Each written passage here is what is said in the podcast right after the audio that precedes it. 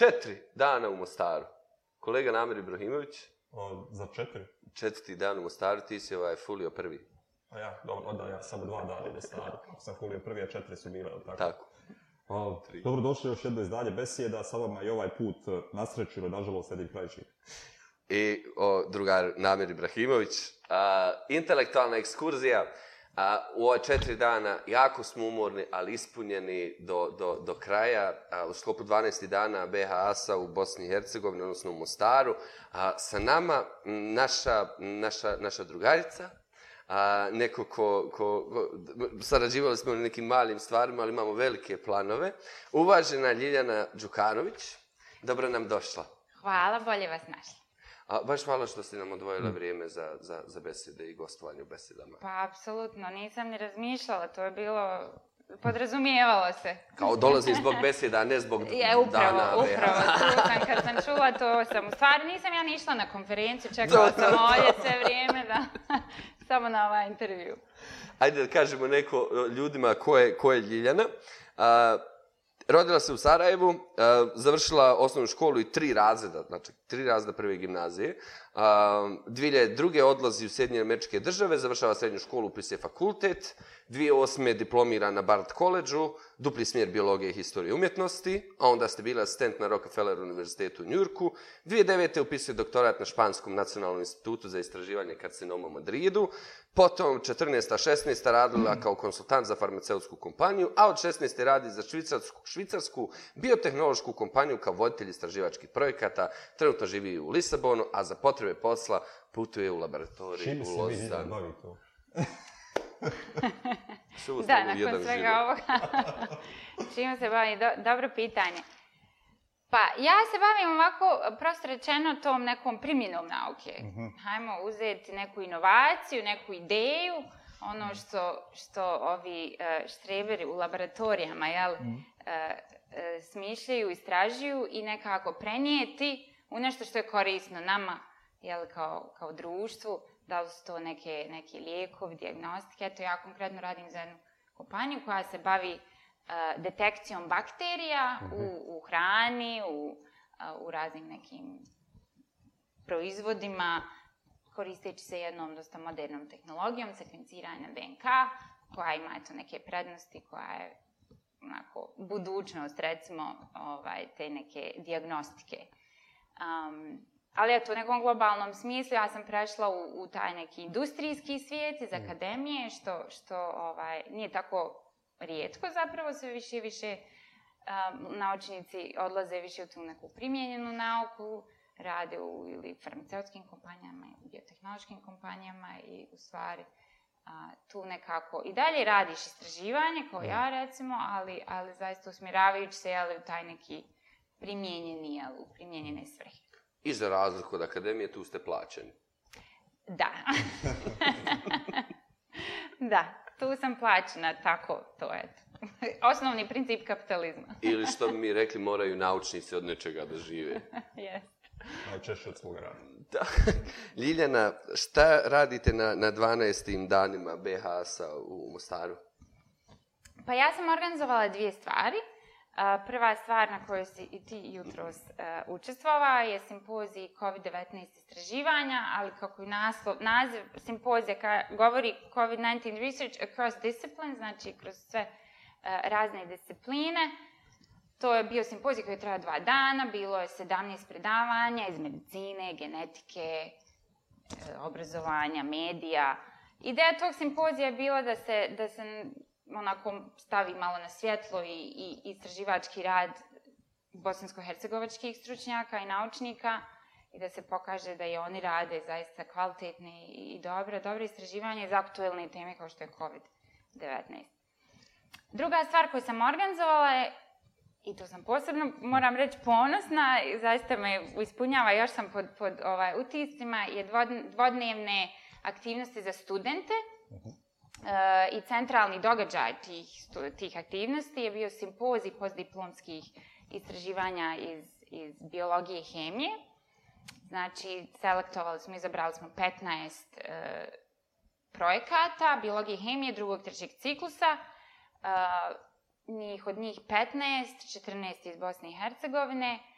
I oni su prezentirali, to su nevjerovatni, sjajni, fantastični, mladi ljudi koji su sa tim svojim prezentacijama mene oborili s nogu. Moram reći da ja nisam ništa manje ni očekivala. Ja mhm. sam i to radila znajući svjesna kapaciteta i kvaliteta naših mladih, pametnih ljudi, ali svejedno, kad, sam, kad se to desilo, kad sam ih gledala i kad, smo, kad su se sve te prezentacije desile, to je bilo zaista tako, eto, meni, meni e, prosto emotivno, jer toliko smo po tim pričama, jel, da ovdje nema uslova, ovdje mm. nauka se ne može, tako i onda dođu ti neki mladi ljudi koji zaista kod su eto, na nekom MIT-u i prezentiraju mm, svoj rad. Niste također planirali izabrati neke od najuspješnijih radova tih? Jesmo. Jeste li uspjeli izabrati do sada? Bilo je, juče smo A, proglasili juče. ovaj, tri, tri, pobi, tri mm -hmm. pobjednike, imali smo nas, bio je tročlani žiri, ja sam bila jedna mm -hmm. od mhm. članova žirija, imali smo sistem bodovanja, okay. E, tri da kažem, kategorije e, kriterija mm -hmm. koje smo mi njima i poslali, jel' oni se na osnovi svoj, toga su se i pripremili. I na osnovi tu bodova, juče smo eto proglasili tri pobjednika, odnosno tri e, najbolje. O čemu govori najbolji izabrani rad u, u ovom trenutku? E, taj, na, to je zanimljivo jer je mm -hmm. najbolji rad, prvo mjesto je svala djevojka iz Banja Luke, sa mm -hmm. Univerziteta Banja Luke, koja njen rad je magistarski rad iz hemije. Mm -hmm. I sad zamislite koliko je to dobro, kad je ona uspjela nas, koji nismo, nijedan niko od nas na, na komisiji, hemičari. smo hemičari, i generalno mi nismo razumijeli te neke jel, detalje, mhm. dubinu, ali ona tako dobro argumentovala jel, taj pro, svoj naučni uh mhm. -huh. proces mhm. istraživački i, i pristup njeni. Činjenica da je izabrala ra, nekoliko metoda da jel, eh, pristupi jednoj hipotezi, uh, i način na koji je prezentirala i sve te neke kriterije koje smo mi tražili je zaista bilo ovaj, fascinantno. Govorila je o, o, o tim, o, o nekim takozvanim mikročesticama koje imaju neke primjene u, u, u ekologiji i, i nekom uh, tako sačuvanju Aha, životne jeste, sredine. Jeste, za očuvanje životne sredine. Tako da ovaj, drugu nagradu je dobio mladić iz, iz sa bučenog sveta u Sarajevu i treća takođe djevojka iz Sarajevu, Sarajevo univerziteta. Tako da, ovaj, to je bilo fantastično. Oni su uz taj simpozij imali e, i neke radionice. Mi smo organizovali radionice za njih, okrugle stolove i to je bilo zaista fenomenalno. Ideja je bila da mi njima pružimo neki sadržaj koji je jedinstven, koji možda nije mi na svojim e, fakultetima. Oni su bili potpuno oduševljeni zaista su onako ovaj, otišli puni sto utisaka. Jedna radionica koju sam ja vodila sa kolegom je bila, e, nau, se, zval, se zove naučnici kao poduzetnici i tu smo govorili o tome što znači da je jedan naučnik sa nekom svojom inovacijom započne neki svoj startup, kako da tu ideju iznese na tržište, kako da od nje napravi nešto nešto koristio, što je potpuno jedna posebna, da kažem, nauka i posebna metodologija o kojoj, naravno... Posebno, posebno posao. Apsolutno. I čak su neki na kraju radionica onako rekli, uf, neka mene u laboratoriju. Kad vidim šta zahtjeva, koliko zahtjeva, jel, od svih tih aspekata investicije, mm. biznis model, strategija, ja. prezentacije medijske. Prezenta, ali, ono, ali mislim, ako ste vi naučnik koji je nešto za, mislim, većina tih nekih otkrića, recimo kao što je COVID-19 vakcina, RNK vakcina, to je došlo iz tih nekih istraživanja u akademskim nekim krugovima, laboratorijama i te inovacije, jel, ti sami inovatori moraju prenijeti iznijeti na tržište. To je obično jedan veliki izazov u jel, nekim drugim zemljama. Obično tu postoji inkubatori e. koji su dio univerziteta koji onda pomažu facilitator tog procesa jel, prenošenja inovacije na tržište. Ovo sve što imaju u Bosni i Hercegovini. Upravo e. tako, jesu. Silni inkubatori. Da, ne znam što smo uopšte u, ovu radionicu organizovali možda je previše, ali vidi da je bilo da, se, da, im, da im malo okuse da, tu. Da vam vidi šta to da, znači. Jeste, da. nije, nismo mi ne očekujemo ni da oni postanu su, pa, jas, ovaj, sutra jas. neki poduzetnici, naravno ne treba pocijenjivati činjenicu da ti, yes, i, i, trebaju ti resursi i treba, mislim, yes. u Bosni to teško. Ali imali priliku razgovarati sa studentima, e, je li ovaj način rada podrebne konferencije koji ste radili s njima, nešto što njima nedostaje? Apsolutno. U obrazovanju. I to su, juče smo sjedli za stolom u bašti, to zove se sve dešava u Centru za kulturu, Mostaru, mhm. koji je prekrasan prostor, ovaj, sa klimom. I, i A on, obrazovanje ste smjestili u, u upravo, austro zgradu u kojoj smo se skuhali. ovaj, I sjedli smo u bašti, došao je rektor Univerziteta Sarajevo, mhm. e, profesor Škrijelj, koji je bio oduševljen.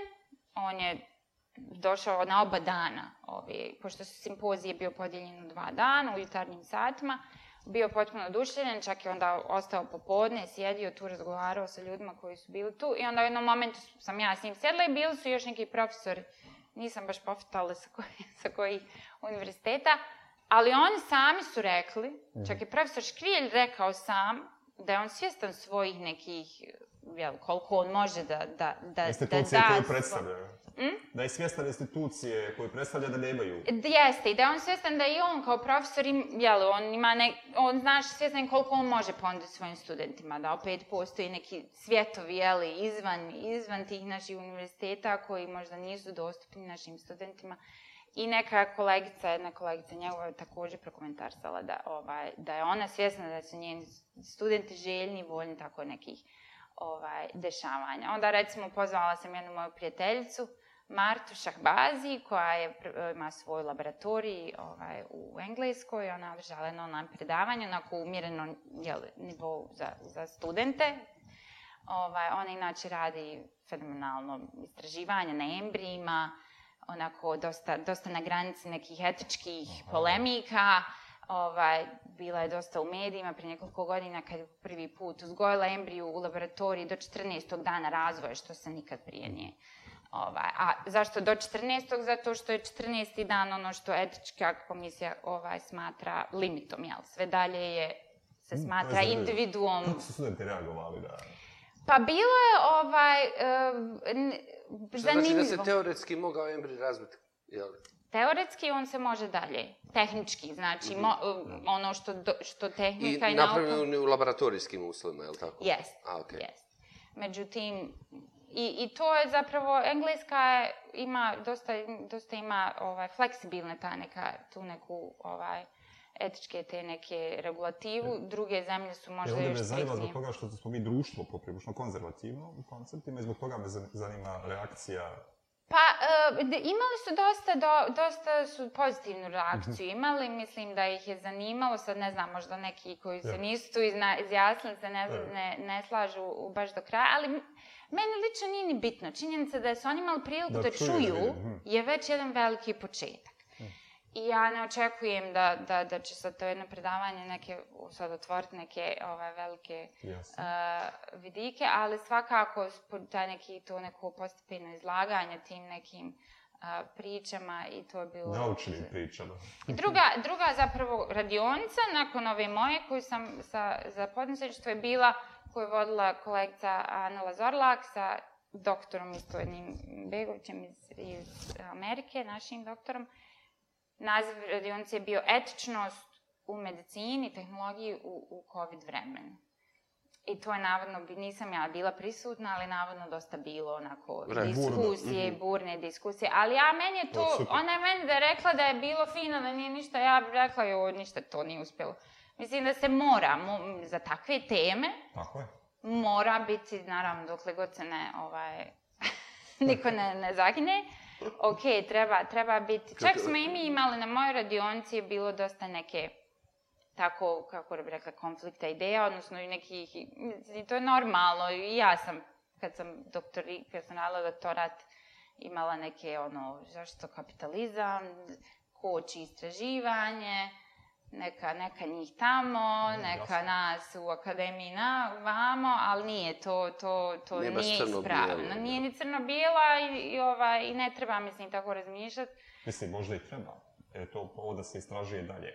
Da se suoči sa nekim Naravno, ideje, naravno. Da. Ali, ali u, od, ovaj, u svakom slučaju, kakvo god mišljenje da imaš i stav da imaš, dobro ga je ono testirati, staviti pod neki ono, jel, challenge. Uh, tako da, i to je sa mladim ljudima super, jer Sonja još uvijek se mogu, jel, modelirati, još ima nade, još ima neke drugačije sa ovim, sa ovim malo starijim. ne se razmišljam još uvijek o onom embriju, eh. nisam, nisam mako dalje od embrija, pa me zanima, može li se neko malo kritičko mišljenje u laboratorijskim uslovima? do jedno 15. E, godine, 15. pa da ga da, pa implantiramo kroz, kroz vakcine, da ga u, u, Je li moguće to? Teoretski. Mm.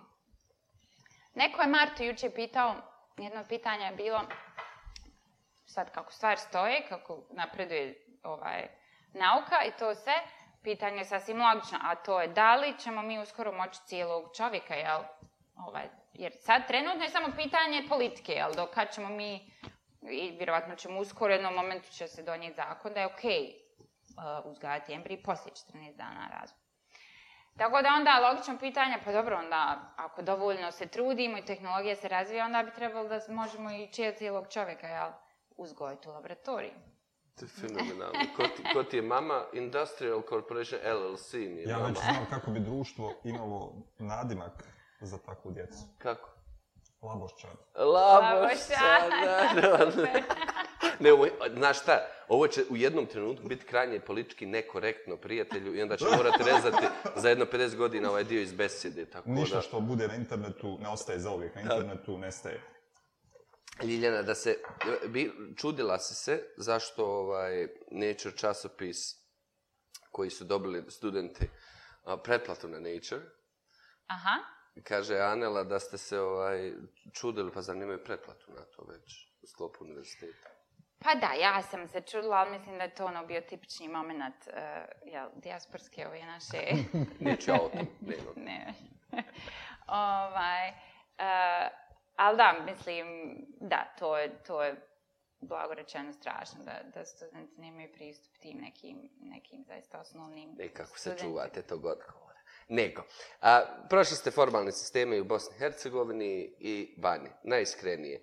Da li bi porasli toliko da niste imali tako druge uslove, pa ste otišli vani ne, i tako apsolutno da. Ne, apsolutno ne. Apsolutno ne. Uh, ne e, znamo dakle da krenem. Od trenutka kad odlazite. uh, ja... Vrlo je to zanimljivo. Ja i dan danas, znači to je bilo prije 19 godina, da sam ja otišla, znači davno.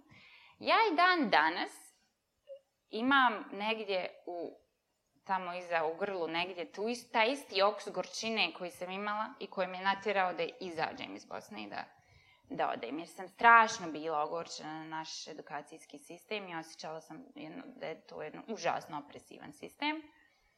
I to se uspostavilo tačnim, jer ja nisam ni uživala u mojoj edukaciji, niti sam imala sam afinitet prema prirodnim naukama, bila sam ona koja se javlja prva da odgovara biologiju, ali to jedino ostalo. Fiziku sam jedva dvicu, tricu izvlačila, onako... Prosjek sam izvlačila jer sam znala da moram i znala sam da ću ići u Ameriku. I to mi je bilo bitno. Ali sam tako bila ogorčena i dan danas, ovaj, onako, o, o, i dalje u meni osjet, mogu, mogu da, da se prisjetim lako tog, tog, mm. nekog, ovaj, tog nekog osjećaja. Uh, I sada se vratim na to pitanje. Uh, strašno je to, ja mislim, kad, kad imaš potencijale, svi mi imamo te potencijale, i oni se ne realizuju, jer između ostalog edukacijski sistem to ne dopušta. Um, ima tu puno nekih elemenata, ja mislim da, da prije svega, naravno, sistem šta mi učimo i kako mi učimo ovdje. Možda se stvari promijenile, ne znam, prošle puno godine, nadam se da se promijenile na bolje. Nisam. Ali definitivno taj sistem jel, reprodukcije znanja, to je, to je zaista... Ovaj to je nešto što mi čuvamo. To je genetikom se bavila kolegica Zorla, to je nama u genima. Moramo da naučimo na pamet i da reprodukujemo u učionici. Ne idemo dalje od toga. Ovaj, jer ja sam, ja sam možda dobar primjer, jer ja nisam bila, mislim, ja sam bila dobar učenik, ali nisam, nije sada ono nešto da sam bila štreber, da su, da su svi mislili da ću ja sad nešto. Međutim, ako sam dobila tu slobodu i kad sam vidjela da ja mogu da radim šta hoću sa svojim kapacitetima i da to neko ima da to da pogura, da usmjeri, da usmjeri. To je zaista se od čovjeka može napraviti svašta. Eto, ja ne, ne, ne znam, ne mislim da sam nešto posebno sad inteligentna i da imam neke, da sam neki prosjek, ali, ali zaista sam ja, eto, iz iskustva... Ali ste imali interesovanje zaveštaju da ste imali mjesto gdje ćete zadovoljiti znati želju, gdje ćete moći da ispitate stvari koje... Jeste, i to recimo, mislim, ja sam naravno, opet treba treba spomenuti da sam ja imala i sreću i priliku da mm, odem iz Bosne, naravno to je nešto što se mora ipak napomenuti. Ali to da, da, da upravo da odeš i da, e, da možeš i da biraš i da, e, da i da se prepoznam, ja sam naravno ko, ko puno naših ljudi koji su vanje oči, naravno preživao na stipendijama, na tim nekim punim ovaj, finansiranjima, ali, ali zaista je fascinantno meni koja se ne bavim, mislim vi znate na, naravno najbolje o čemu govorim, ali zaista je fascinantno kad prođe ti neke godine, kad prođeš sa taj sistem, onako ti si neki case study, jel? Sam sebi, I, ovaj, I vidiš zaista onako empirijski imaš neki dokaz samog sebe da zaista je ta edukacija sve. Eto, ja onako, evo, i ovom prilikom da vam kažem time čime se bavite zaista, ovaj, eh, zaista fenomenalno i, i, i prebitno. Ono. Nešto, što ne znam što me, ne znam što me potreslo ovo, poprilično. Um, mnogo energije ulažeš Ljiljana na popularizaciju nauke. I sad kad smo bili na ovom simpoziju, a, ti u jednom trenutku izgovaraš, ni meni se ne radi vikendom, ni meni se ne bude na tim zoomovim, ali uporno to radiš. Pa radim, ovaj, ja kad je počela pandemija, onda je nastala neka reakcija panike, tako da kažem, kad sam vidjela kao naučnik, uh, šta se dešava u društvu, kako društvo, sad svi segmenti društva, ne samo ovi pasivni koji jel, pričaju o antivakcerskim, ali svi i mediji, i institucije, i jedan haos od dezinformacije, od jedne generalne nedostatka naučne pismenosti u svim segmentima društva. A zašto sam imala napad panike? Zato što shvatiš da ako ti kao naučnik, ako društvo ne razumije ono što ti kao naučnik radiš i ako ne uvaži to i ne prihvati to, onda svo tvoj, sad tvoj rad i trud pada u vodu. Jer svi ovo, sve ovo, ovaj, ovo decenije istraživanja na vakcinama i, i trud i rad, ako to društvo odbija tu vakcinu jer vjeruje u neke teorije zavjera, onda i taj osjetiš, nekako osjetiš, bojiš se, prepadneš se, vidiš da, da, ovaj, da u stvari tvoj rad nekako dobija smisao samo onda kada društvo njega uh, prihvati, a mi na kraju krajeva... I koristi ipak, se od njega. I koristi se od njega, jer, jer naravno ima i nauke koja je... Mislim, sva nauka, bez obzira koliko ona bazična, pa čak i teoretska matematika, ima, možda će za 200 godina imati neku primjenu. Ja, ovaj, ne, ne, E, ne treba razmišljati samo o ovim vakcinama tako. koje će nam sutra Doslovno pomoći. Doslovno konkretno pomoći stanovništvu i čovjeku. Jeste, jeste. Tako da sve, ja sve, sve tu obuhvatam i, i pa eto ja sam radila doktoratu sa vrlo bazičnim zim, ono, jedan neki protein tamo što uopšte ne znamo će li kad iko o njemu opet pričati. Ali, eto, neka je premisa je da svo, sve to, sve to neko znanje koje se akumulira ima, ima neku svrhu jel, u budućnosti. Znači, ja sam to taj nastavnik i moment panike, kad sam ja vidjela da ovaj, koliko ljudi ništa ne razume. Znači, potpuno jedan nedostatak o nekog fundamentalnog naučnog razmišljanja koje ne znam, trebaš ti meni znati šta je RNK, šta je, ali nekog osnovnog kritičkog razmišljanja u kontekstu naučnih tema, jel? Ovaj, I onda sam shvatila da nekako je bilo i ona neki refleks moj da nešto moram, da je to moja dužnost, ne da, da ja, da ovaj, da je naprosto moja dužnost kao naučnik da nešto poduzmem, da se angažujem. I onda sam počela serijal 60 sekundi o koroni, koji je bio onako, jel, potpuno mm. naivno lajčki, sam krenula, ali to bio uspješan i puštali su ga na svim mogućim televizijama i imao je uspjeh, ali, ali eto, to je bio neki moj, uh, ovaj prvi, prvi pokret. Onda se kroz tu neku interakciju sa mediji sam shvatila da i mediji imaju se u velikim problemima, da tu fali konkretno je naučnog novinarstva, što je na posebna branša.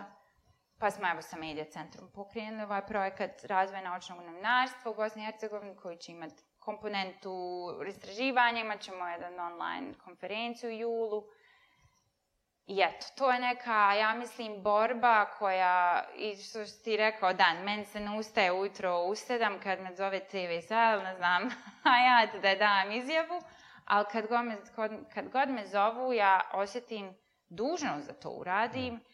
i, i ta, koliko, je, koliko, je, koliko težinu i važnost može da ima moja izjava uh, u medijima kao jel, naučnika, kao stručnjaka, uh, shvatiš da to, to, to ni, niko ne bi, nijedan naučnik ne bi trebao da odbije. A nažalost, kod nas bar većina odbija da, da se angažuje u, u, u javnosti na bilo koji način.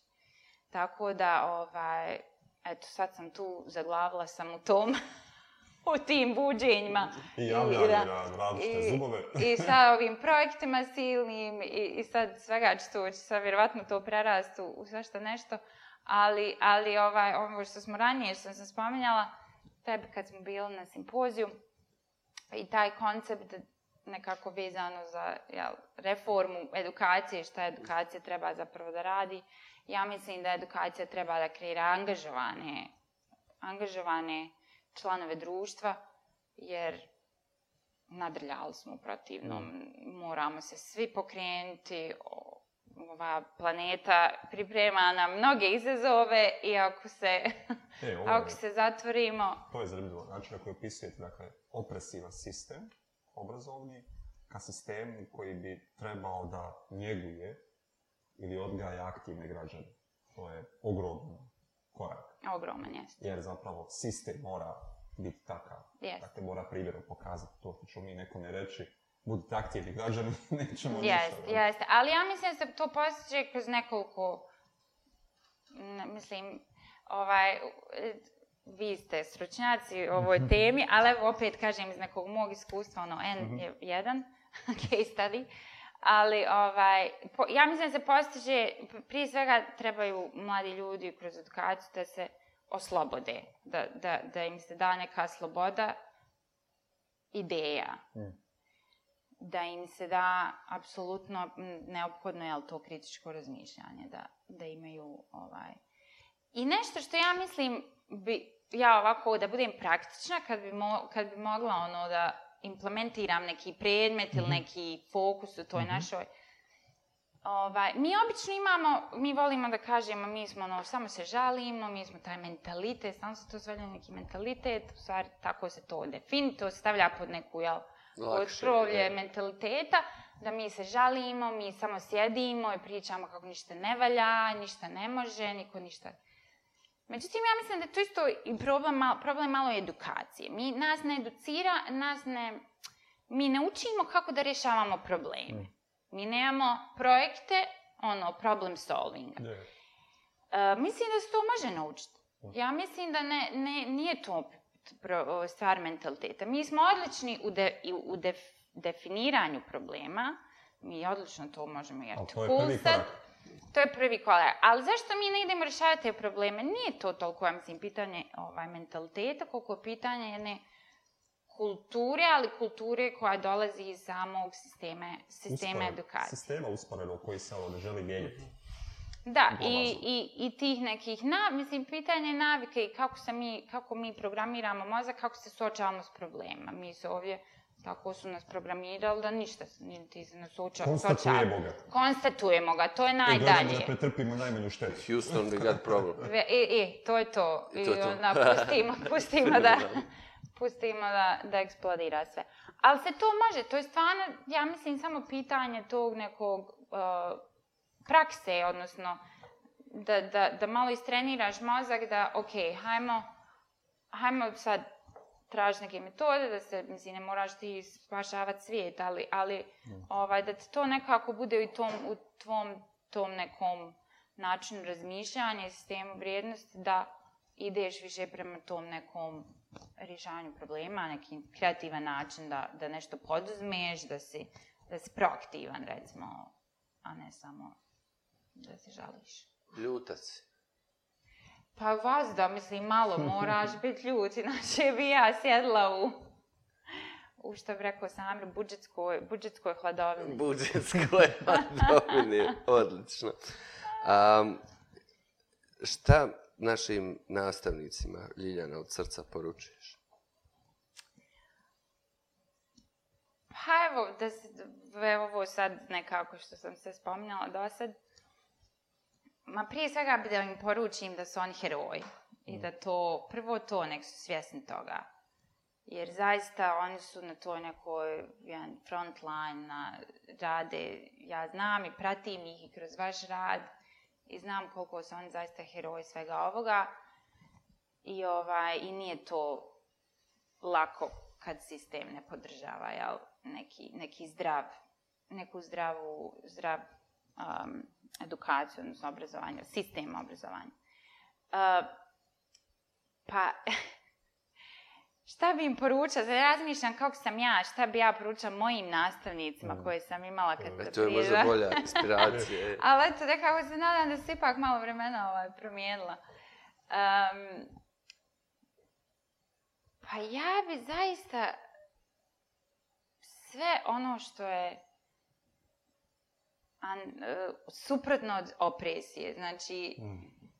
opresija mišlje, znači sloboda mišljenja, sloboda... Ne znam da to nije lako, da se ipak u, u nastavnici moraju imati neke, ovaj, neke strukture, moraju jel, i limite, ne možeš sad pustiti dijete da nije to lako. Ali eto, ako bi se nekako, mislim da, da zaista svi smo tako... Svi smo tako različiti i zaista je svako dijete je jedan ogroman kapacitet i, i, i staviti ga u tu neku u tu neku kutiju tih nekih starinskih sistema je zaista grijeh. grijeh. Nema bolje riječi, ja mislim. Baš grije. Ova, a sad, kako se to postiže? Ja znam da je to kompleksno, da to nije lako, mislim, lako je ovako reći. Ali, ali zaista ja kad ovako razmišljam, šta je to što je meni naj, naj, najdragocijenije od mog odlaska odavde je upravo ta sloboda. Ali sloboda koju, koju kreiraš kroz samo obrazovanje, jel? da postigneš i da si slobodan da biraš to svoje obrazovanje. Ali odgovor. Jeste, ali odgovor. Ovaj, i, I eto, to bi nekako možda mm. bilo najosnovnije što... Ali opet, te što... Ne, to je toliko komplikovano da znam da ono, mislim, ako reći, sve se to redu, reduciraš u neke par rečenica, ali eto, vremenom, valjda, će se neke par popraviti. Mi nećemo odustati. Ne. Hoćemo raditi, Dijana, zajedno. Hoćemo. Hoćemo raditi sa našim nastavnicima unutar zajednice i novatim Hoćemo. Hoćemo.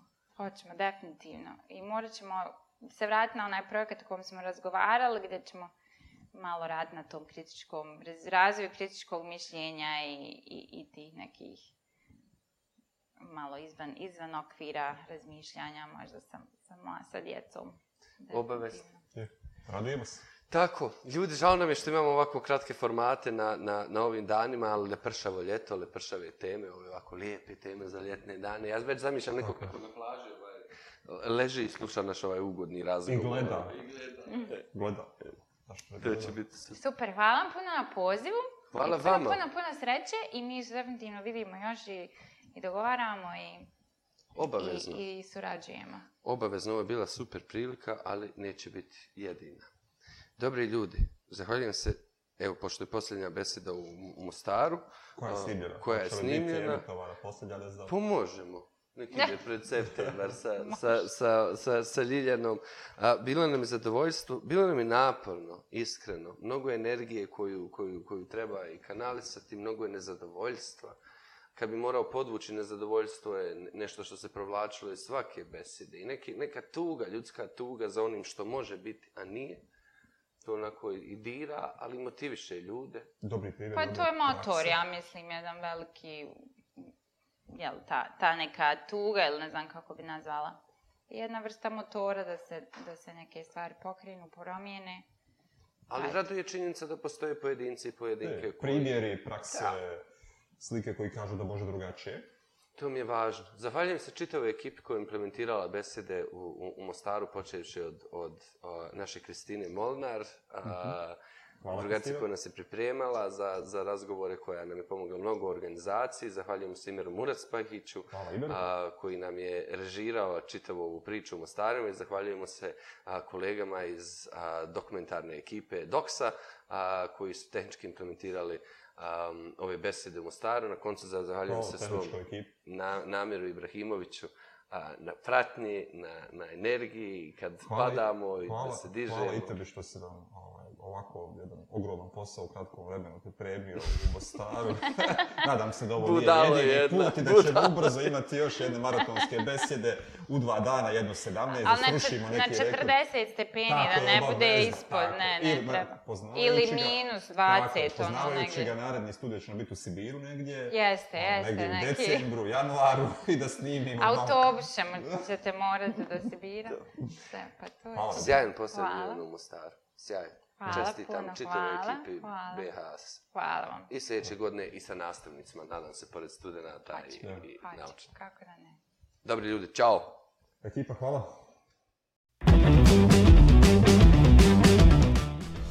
Večera ste nas gledali. Možda drugi put nećete. Ono što je preduvjet da biste nas pogledali, da biste nas vidjeli, Nedine je... Subscribe, odnosno preplatite se na naš kanal na YouTube zove se Coy Step by Step i treba da kliknete dole, u crvenom piše subscribe, subscribe, molim vas. Ukoliko od... do naredne emisije 50 vas ne klikne subscribe, vjerovatno nas više nikada nećete gledati. To je to, Fajrant. Thank you.